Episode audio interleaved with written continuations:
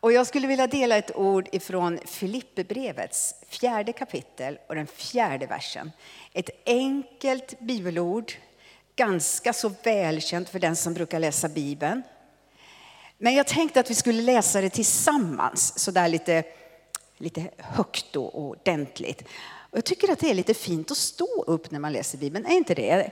Så även om du har stått upp flera gånger, så jag lovar du ska få sitta sen, eh, så läser vi det här bibelordet tillsammans. Gläd er alltid i Herren.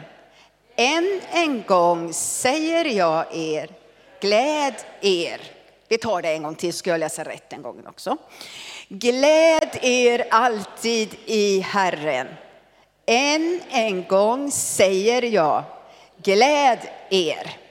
Jesus, så tackar vi dig för att vi ska få läsa ditt ord tillsammans. Och tack för att vi får veta att ditt ord är levande, att ditt ord är verksamt. Och jag ber Gud om att du ska hjälpa mig att få vara ledd nu av din heliga ande och få tala dina ord. Herre, jag ber att det som är mitt ber jag att du ska låta det eh, få tona bort och försvinna. Men Gud, jag ber att det är ditt ord som ska få tala. Och Herre, så ber vi också om att vi ska kunna ha hjärtan som kan vara öppna för det som du vill säga nu, Gud. Så vi ber helig Ande, kom och tala till oss du.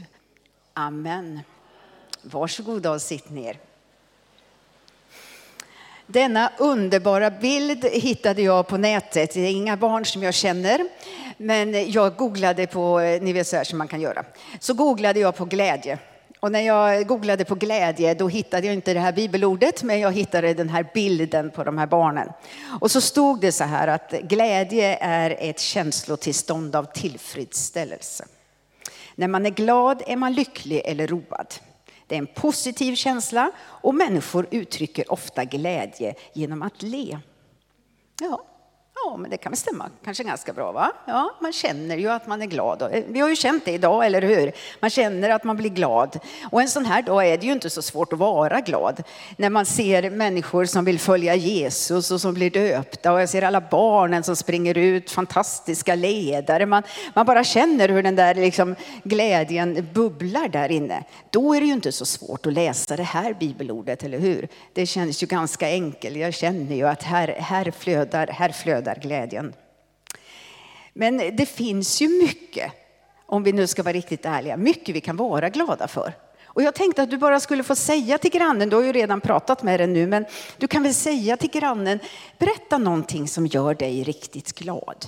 Som gör att du liksom känner den där tillfredsställelsen, det där som gör att du känner wow, nu, nu är livet så där som allra bäst.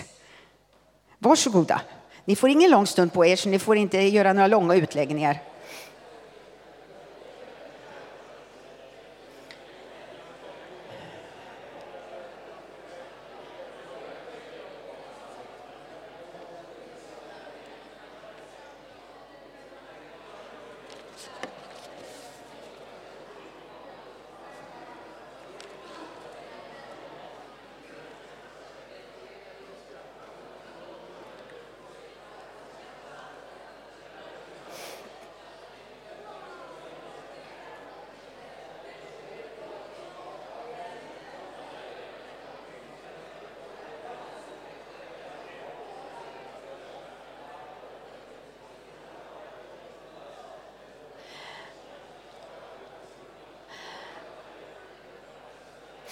Ja, men jag tycker ni ser livfulla ut. Jag förstår att ni har mycket att berätta om. Härligt! Men vet ni, det där får ni också fortsätta att ta vid, eh, vid kyrkfikat sen när ni, eh, när ni pratar med varandra. Då kan ni fortsätta att dela de här tankarna lite grann. Vi kan väl ändå vara överens om att, eh, att glädje gör mig ofta, när jag är glad så blir jag ju ofta tacksam också. Då känner jag mig hur, oh, hur fantastiskt det här är. Glädjen ger mig också frimodighet. Jag känner att när jag, när jag känner mig glad känner jag mig stark på något sätt. Och då, då, då känner jag mig frimodig. Jag känner mig lite modig. Och när jag känner den här glädjen så vill jag ju också väldigt gärna, eh, många av oss kanske i alla fall tycker om att sjunga och, och ge liksom vårt tack någonstans när vi känner den här. Vi blir som tacksamma. Ja, det framkallar otroligt mycket positivt hos oss. Och glädje, det smittar ju. Det har du säkert märkt. Möt en människa som ler åt dig och du känner hur, hur det åker faktiskt gärna upp dina egna mungipor lite grann också. Men ärligt talat, kan man tala om glädje i de här dagarna? Är inte det att stoppa huvudet i sanden? När vi hela tiden matas med det som inte gör oss glada. Det som istället gör oss oroliga och bekymrade och som faktiskt gör att glädjen gärna försvinner. Mm. Ja, så tänkte jag också den här veckan. Kan man, kan man prata om glädje? Och kanske att det finns någon som sitter här idag som går igenom en sån här tuff period i livet där, där glädjen känns så långt borta. Det är länge sedan du log och ännu längre sedan du kände den där tillfredsställelsen i ditt hjärta. Men vet du, det jag ville dela med dig idag, det är vad Bibeln talar om glädje. Och det är faktiskt ingen peptalk, jag är inget bra på det. Så att det här är ingen peptalk, det är inget ryck upp dig. Tänk på att du är i kyrkan, nu måste du le lite grann. För det är precis vad det inte är. Tvärtom. I kyrkan ska vi komma och där ska vi dela våra hjärtan. Där ska vi vara ärliga, transparenta med varandra. Och då är det inte att klistra på sig någonting du vet och försöka att hurta upp sig. Nej, utan det är faktiskt så att dit kan jag komma oavsett hur livet är omkring mig. Men jag tror att också oavsett hur livet är omkring oss så kan vi få läsa i Guds ord vad Guds ord säger. Och Guds ord säger vet du, jättemycket om glädje. Det, det, en del människor tänker ju, och jag vet inte om du är en av dem, som har tänkt att allt som har med kristen tro att göra är så tråkigt. Blir jag kristen så blir det tråkigt. Då får jag aldrig mer skratta och aldrig mer ha roligt. Och kommer jag till kyrkan får jag definitivt inte skratta, för här skrattar vi inte. Och då vill jag bara säga till dig, där har du faktiskt fel. Det måste jag få berätta för dig. Det är verkligen inte så. Att få tro på Jesus, att få följa honom, det är verkligen glädje i livet. Och i kyrkan får man skratta. Man får dela glädjen med varandra i kyrkan. Men du behöver inte låtsas, du behöver inte sätta på dig en mask, du behöver inte spela någonting. Bibeln, som sagt var, talar så mycket om den där glädjen. Hela Bibelns budskap är egentligen som genomsyrat av glädje. Det tillhör liksom Gud. Det är en del av Gud, glädjen. Hur tror du att det var i skapelsens morgon? När Gud skapade och såg allt det fantastiska han hade gjort och sagt det är gott. Tror du det var ledsamt? Nej, jag tror inte det. Jag tänker att det var en otrolig glädje. Fåglarna kvittrade, solen lyste, blommorna växte. Nej, men det är klart att det var glädje i Guds värld och allt var fullkomligt där. Och när han tog med sig Adam och Eva och gick runt där i lustgården och visade allting som han hade skapat, allting som var så gott och sa det är ert. Ni får det här, ni ska förvalta det. Visst var det glädje? En oerhörd glädje. Glädje är som liksom ett, ett sånt grunddrag skulle man kunna säga i relationen med, med Bibelns Gud. Men så kom ju synden, det vet vi förstörde det som Gud hade tänkt, planerat och förberett för oss. Och han stal allt det där som Gud hade velat, ville ge till människan. Och han stal också glädjen. Det där som vi var menade att få leva i tillsammans med honom. Men när vi, sen, alltså jag skulle bara vilja eh, ta en jättesnabbis där över Bibeln. Eh, och du vet, eh, skulle vi prata om allt som stod om glädje, då skulle vi behöva bibelstudium tror jag, per dag och liksom kolla allting. Så det kan vi inte göra nu. Men om vi bara tar en sån här liten snabb flygresa över vad Bibeln säger för någonting så, så skulle jag bara vilja droppa ner på några ställen. När, när du fortsätter att läsa Bibeln så ser du människor som lever i, tillsammans med Gud. Och hur det ofta ofta faktiskt präglas av glädje. Om vi läser saltarsalmerna så finns det så mycket glädje, så mycket lovsång. Så känner du att jag skulle behöva något extra lite mycket med glädje, då ska du gå till saltaren. Nu är det inte så att varenda ord i saltaren är glädje, det vet vi. För saltaren är som livet är. Den är, den är, det varierar. Men väldigt mycket i den handlar om glädje och lovsång till Gud när man eh, läser om, eh, jag vill bara ta en man i Gamla Testamentet som heter Nehemja. Han, skulle bygga, han, eh, han hade en jättesvår uppgift. Han kom tillbaka till sitt land efter att det hade varit krig och fångenskap och han skulle bygga upp muren i det här landet. Och han hade med sig folket och de, de lyckades ganska så bra. Men så tog de fram Guds ord, det Guds ordet som de hade Eh, och så läste de Guds lag därifrån och så förstod de att ja, vi har levt våra liv helt galet och tokigt. Och de, de, var, de var ganska förtvivlade och ledsna de här människorna. Och då säger Nehemja någonting. Då säger han så här. Var inte bedrövade, för glädje i Herren är er styrka. Ehm, om du är lite äldre, jag har läst såna lite äldre översättningar, då stod det så här, fröjd i Herren är er starkhet. Fröjd i Herren är er starkhet. Och så kom Jesus. Vi kommer fram till Nya Testamentet. Och vet du, kommer du ihåg vad änglarna sa för någonting när de kom för att de skulle, eh, de skulle berätta att Jesus skulle komma, eller Jesus hade kommit? Vad sa de där ute till herdarna på ängen? Jo, då sa de så här, vi bör bud till er om en stor Precis, om en stor glädje. Det som har hänt nu, det är en stor glädje för er herdar, men också faktiskt för hela folket. Ja, vi vet ju att det blev för oss alla. Och så kommer Jesus, växer upp och en dag träder han in i Nasarets synagoga. Och så ska han läsa ifrån Gamla Testamentet och då väljer han att läsa från Jesaja-boken, det 61, 61 heter det, inte 61.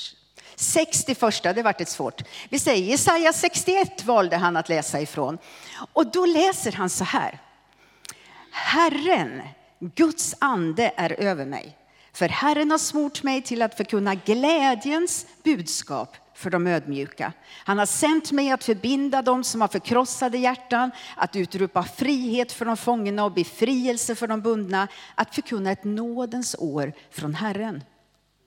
Ett glädjens budskap. Han kom Jesus som en glädjebudbärare. Och evangelierna, du vet ju evangelium som betyder gott budskap, eller jag brukar säga ibland till barnen, betyder glada nyheter. Det är verkligen en, en, någonting så fyllt av glädje för oss människor att Jesus kom. Och när han kom så gjorde han det möjligt för dig och mig att återigen få ha kontakt med Gud, relation med Gud. Få ha det där så som det var från början, med den glädje som det hör till. Och när han skulle lämna sina lärjungar, och de säkert var lite oroliga och förbryllade, då säger han till dem att han ska ge dem av sin glädje. Och deras glädje, alltså lärjungarnas, ska därför bli fullkomlig. Han säger så till dem. Och så kan vi läsa om lärjungarna i Apostlagärningarna 2.46. Där står det så här. Varje dag var de troget och enigt tillsammans i templet och i hemmen bröt de bröd och delade måltid med varandra i jublande innerlig glädje. Så de var nog glada lärjungarna, eller hur? Det måste det ju betyda. Och de eh, skrattade säkert också, de där lärjungarna. Men framför allt så jublade de och var glada därför att Jesus Kristus var deras Herre.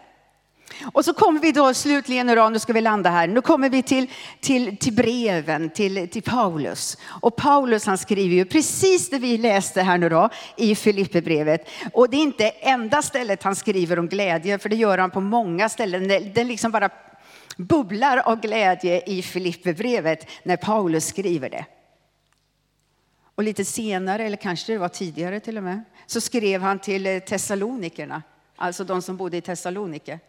Och då skrev han kort och koncist. Han skrev bara, var alltid glada. Och det där känns ju lite, kan, visst kan vi känna lite utmanande på något sätt, nästan, nästan lika svårt som när han säger be alltid. Eller var alltid tacksamma. Och det känns som, nej men det här, det här funkar ju inte, det här går ju inte. Var, varför, varför säger han så här för Paulus? Det vet ju han också, att det inte fungerar. Ja, men vet du, Paulus tänkte säkert på någonting annat än det där att gå och le hela tiden. Eller att hela tiden ligga på knä och be. Eller att alltid känna hur tacksamheten bara bubblar genom, eh, genom kroppen på mig. Det fanns någonting annat, för faktum var att Paulus satt i fängelse när han skrev. Det var inte så att han var på en härlig dopförrättning och inspirerad efter gudstjänsten så sprang han hem och skrev. Nej, nej, nej. Han satt i en fängelsecell. Och det var där han skrev om glädjen som han hade i Herren. Det var där hans glädje bottnade. Det var, där, det var det det handlade om. Inte hur det var runt omkring, utan vad han hade i Gud. Och vet du, jag, jag tror att det är där källan finns, naturligtvis, för glädjen också för dig och mig. Jesus Kristus är densamme igår, idag och i evighet. Och han är fortfarande den där källan som du och jag kan få komma till och ösa ur. Och det är där som vi också kan hitta den där glädjen. Gud är oföränderlig, det vet vi. Hans löften gäller fortfarande. Hans ord, det han har sagt, står fast. Det förändras inte. Våra liv förändras, omständigheterna runt omkring oss förändras, men det här står fast. Och när du och jag därför får liksom kroka fast i Herren så är det där som vi får ha våran glädje. Och vet du, en gång så kom lärjungarna till, till Jesus och de var så översvallande glada. För de hade varit med om och sett mirakel och under ske. De onda andarna hade lämnat människor. De hade sett sjuka bli friska. Det var inte konstigt att de var glada. Och Jesus gladde sig säkert med dem, men han säger mm, mm. Gläd er inte över detta. Gläd er över, vad då?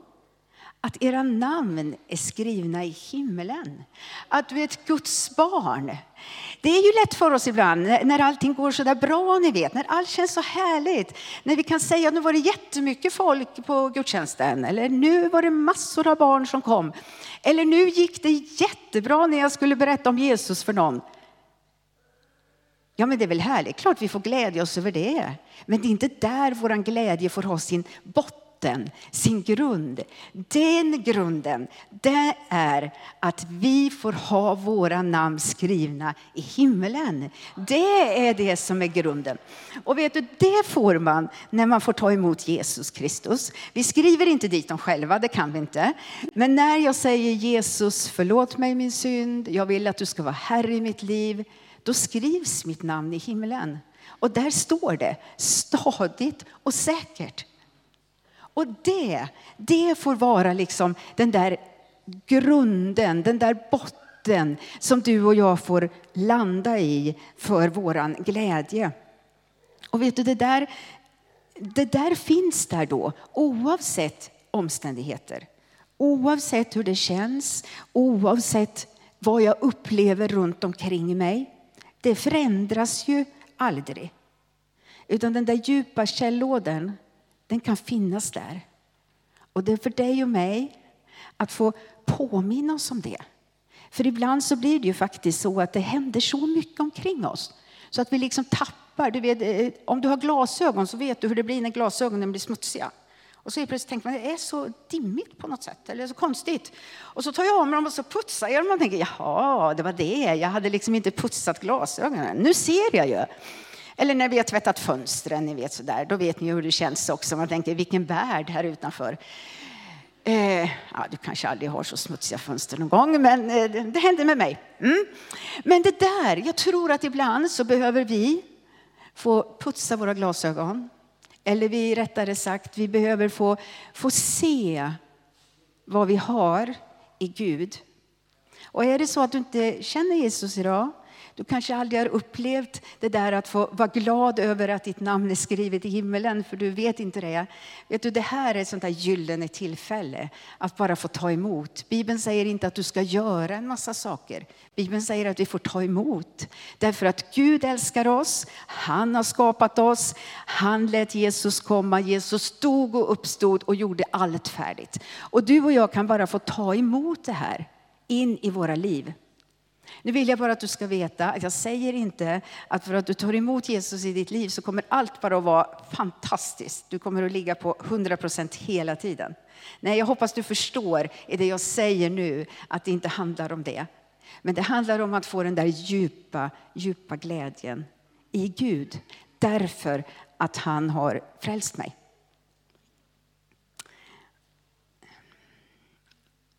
Jag har eh, haft förmånen den här sommaren att, ehm, att få vara på semester. Och jag har eh, delat den här semestern tillsammans med en del av min familj. Och vi har bott i några stugor ute i skogen.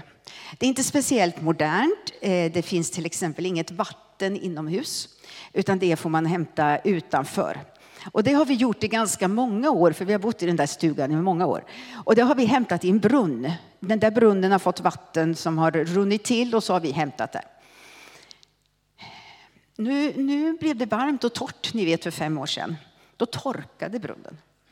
Och så torkade den och nu torkade den så mycket och så torkade det runt omkring där vattnet skulle komma ifrån.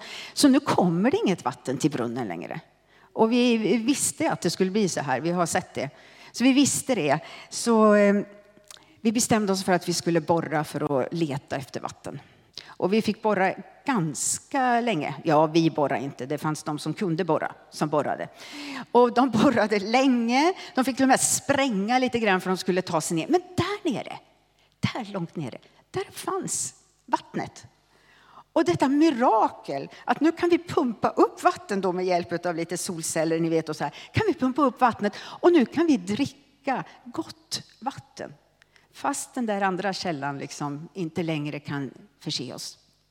Och jag tänkte på den där källan faktiskt när jag tänkte på den här glädjen. Och så tänkte jag att, att få ha den där djupa glädjen i Gud, det är som att ha den där källan som är ända nere, du vet vid vattenådern liksom. Och som gör att den kan få spira upp även när allt är torrt runt omkring. När kanske de där brunnarna som jag har haft glädjen i tidigare, när det där som betydde så mycket för mig, inte längre finns där så kan ändå den där glädjen få påla fram. Och den där glädjen är, är på det där sättet att, att Paulus till och med då eh, säger, och inte bara Paulus utan det säger Jesus också, att vi kan faktiskt få glädja oss också mitt i våra lidanden. Ja, när människor förföljer oss och föraktar oss för att vi vill gå med Jesus så ska ni vara glada sa Jesus. Och Paulus talar på samma tema och det, det är lite svårt, eller hur? Alltså jag, ja, du kanske är mer helgad och så än vad jag är. Men, men jag kan känna ibland att åh, det är inte så enkelt alltid att tänka att nu ska jag glädja mig och säga tack Gud för att jag är värdig att lida för ditt namn. För det var precis vad lärjungarna gjorde. Men Bibeln säger det. Och då handlar det ju inte, då måste vi förstå att då handlar det ju faktiskt inte om glädjen. Det finns människor som inte kan få komma till någon kyrka och se en sån här härlig dopförrättning eller be med sina vänner. Man har inte den möjligheten. Men glädjen kan ändå få finnas, glädjen från Gud. Vet du, jag tror att i den tid vi lever, du och jag, just nu, så är det viktigt för oss att bevara vår glädje. Djävulen, Guds fiende, han älskar att stjäla, att slakta och att förgöra. Så säger Bibeln. Det är hans passion och mission. Att ta det ifrån oss som vi har fått av Gud. Och ibland tror jag att han är ute också för att stjäla vår glädje i Gud. Den som vi har fått. Den som hjälper oss, som faktiskt gör oss frimodiga, ger oss kraft, ger oss styrka, ger oss, eh, Ja, ger oss den där möjligheten att få dela till andra vad vi också har fått. Och då är det väl så här att, att vi kan faktiskt bestämma oss. Det är ju så här att känslor styr man ju inte över så lätt alltid. Men vi kan ju bestämma oss för hur vi vill göra med saker och ting ändå som vi har omkring oss. Och jag tror att vi kan få bestämma oss för att Gud, jag vill att din glädje ska få synas och flöda i mitt liv. Och hur ska man kunna göra det då? När, när, så mycket annat liksom tränger sig på, när så mycket av oro fyller våra liv. När det kanske är så faktiskt att det, det är inte bara lite oro, det är mycket oro. Det är rent av katastrof. Jag tror att en sak är att få leva nära den där källan. Att liksom få hämta sin styrka där, nära Jesus. Att få bara säga jag vill vara där Jesus nära dig. Jag tror att eh, ibland så kan synd ta bort, nej inte ibland, jag tror alltid den gör det. Synd tar bort den där glädjen ur våra liv och vår frimodighet. Men då får jag komma till Jesus och säga Jesus förlåt mig, det blev fel. Och få känna den där glädjen igen istället för att tänka att nu kan jag inte vara med mera. Jag tror att om du och jag får ta det där steget och säga Jesus, jag vill verkligen leva nära dig. Jag vill att du, precis som Heva sa i början, jag vill att du ska vara kung i mitt liv. Jag vill att det är du som säger hur jag ska göra och handla. Att vi helt enkelt har tagit oss ner till den där källådern där nere som finns där. Jag tror också att när vi får bli uppfyllda av helig ande, då händer det någonting i våra liv. Och därför så tror jag att, att, vi, att vi ska få ännu mer få öppna våra hjärtan och säga Helig ande kom.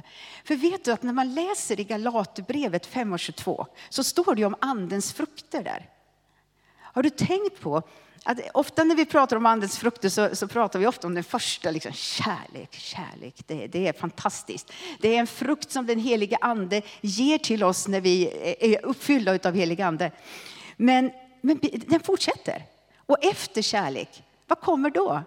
Jo, då kommer glädje. Precis. Kärlek, glädje, frid, tålamod. Det är faktiskt en andens frukt. Och känner du igen då, då handlar det liksom inte om att ryckas i håret och säga ryck upp dig nu för nu ska du vara glad. Utan då handlar det om att säga helige ande, kom. Kom in i mitt liv. Låt mig ännu mer få vara uppfylld av dig. Så att den där glädjen kan få påla och kan få springa fram i mitt liv. Och frukt växer ju, eller hur? Det är inte så att frukt bara tjoff, så hängde det ett äpple där. Utan det kommer sakta, sakta, det blommar och det blir kart och, och så är frukten där. Och jag tror att så får det vara i våra liv också. Vi får be till Gud. Gud, ge mig utav dina frukter av kärlek, men också av glädje så att det kan få bubbla och komma fram. En annan bild på, på, på den heliga ande i Bibeln är ju olja. Olja. Och när Jesus säger det där ni vet i Nasarets synagoga, när han sa att han kom för att han skulle förkunna glädjens budskap, så, så stannade han efter ett tag. Fortsätter man att läsa i, i, eh, i Jesaja 61 så står det faktiskt så här. Han ska trösta alla sörjande han ska ge de sörjande i Sion en huvudprydnad istället för aska. Och så kommer det, en glädjens olja istället för sorg. Och jag kände Gud, låt din glädjens olja få flöda över mig. Så att jag kan få dela det här med andra. Så att jag kan få vara med och säga, det finns någon, någon som vill ge dig glädje mitt i allt det här tuffa som du lever i.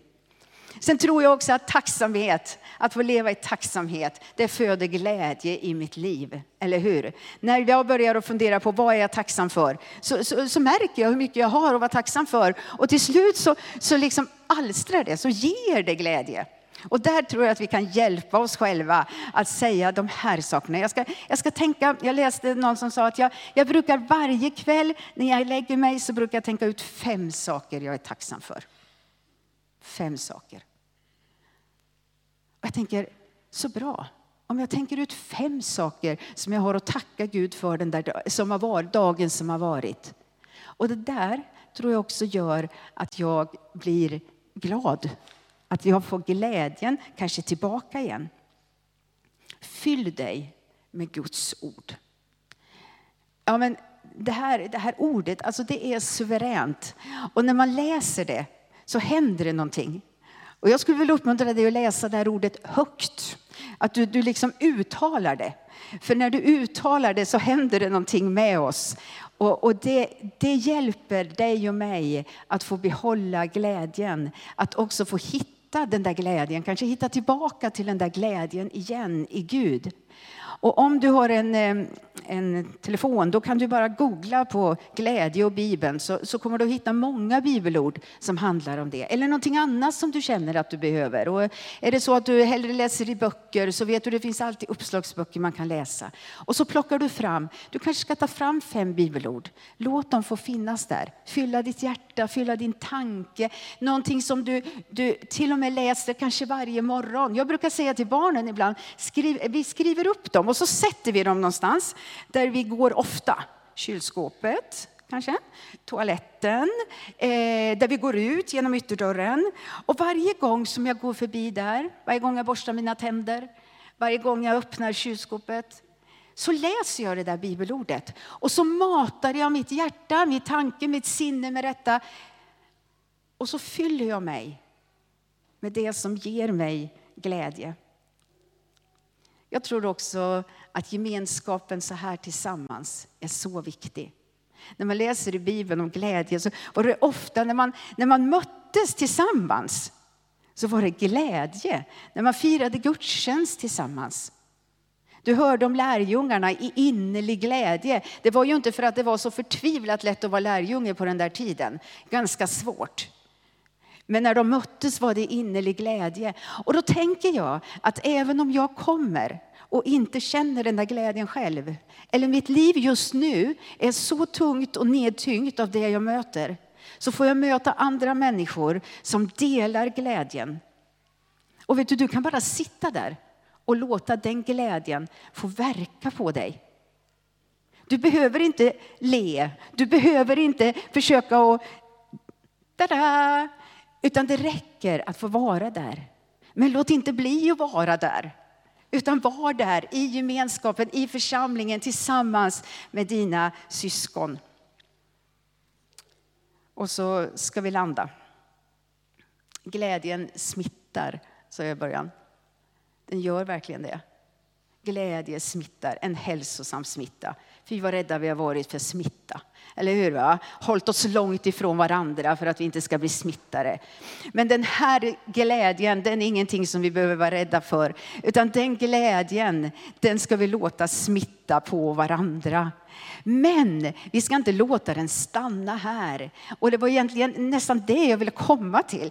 Det vi behöver, det är att få dela med oss av den här glädjen som du och jag har fått i Gud. Eller som vi kan få i Gud. Den glädjen är tanken att den ska ut i Eskilstuna. Och du vet ju när vi lyssnar på nyheterna att som jag sa förut, det är ju inte så att man blir hipp hurra vad jag blir glad för allting som händer. Nej, det behövs verkligen hopp som vi hörde om förra söndagen. Har du inte hört det då kan du lyssna på det nu efteråt. Om hopp. Eskilstuna behöver hopp. Eskilstuna behöver glädje. Eskilstuna behöver Jesus. Och vet du att evangelium, det är det glada budskapet. Och du och jag är såna här glädjebudbärare som får gå ut med det glada budskapet och få dela det med de andra. Visa på glädje som håller, som inte bara är tillfällig, som inte bara är för en kväll, som inte bara är så länge livet är på topp utan en glädje som är så mycket djupare därför att jag vet att jag är ett Guds barn. Mitt namn är skrivet i himmelen. Det Gud har sagt i sitt ord, det håller. Och han har förberett någonting som är så oerhört mycket glädje, mera glädjefyllt än all glädje jag kan tänka mig på denna jord. När han har förberett en himmel för mig. Där allt ska vara igen så gott och så härligt som det var där första skapelsens morgon. Allt detta har vi. Men det vet inte människor om. Och det kan du och jag få dela. Och då behöver vi vara de där glädjebudbärarna. Och det är klart att ska man framföra ett glädjebudskap så är det ju lite bra om man är lite glad. Det, det ger ju mer trovärdighet åt budskapet. Eller hur? Så jag tänker att det du och jag behöver be om det är att be Gud, låt den där glädjen, glädjen i att det är att få vara ditt barn, låt den bara få flöda upp i mig igen. Om den har känts som den har legat långt där nere, låt den få komma upp så att det syns. För vet du, jag tänker ibland att det kanske är ett leende. Det kanske är dina varma ögon som är det första steget för att en människa ska våga öppna sitt hjärta och höra evangelium, glädjebudskapet. Och nu ska vi avsluta med att resa på oss igen och så ska vi läsa den här bibelordet som jag citerade för dig förut. Men nu läser vi det tillsammans. För jag tror att Gud vill utrusta oss. Han vill ge oss kraft. Han vill ge oss det, allt det där som vi behöver i den heliga ande. Det vill han ge oss för att vi ska kunna ge det här vidare. Och vi har upplevt, eh, tycker jag, vi har haft dagar av bön, vi har bett tillsammans och vi har känt hur Gud liksom har, har eh, kallat på oss att få gå ut till människor i Eskilstuna.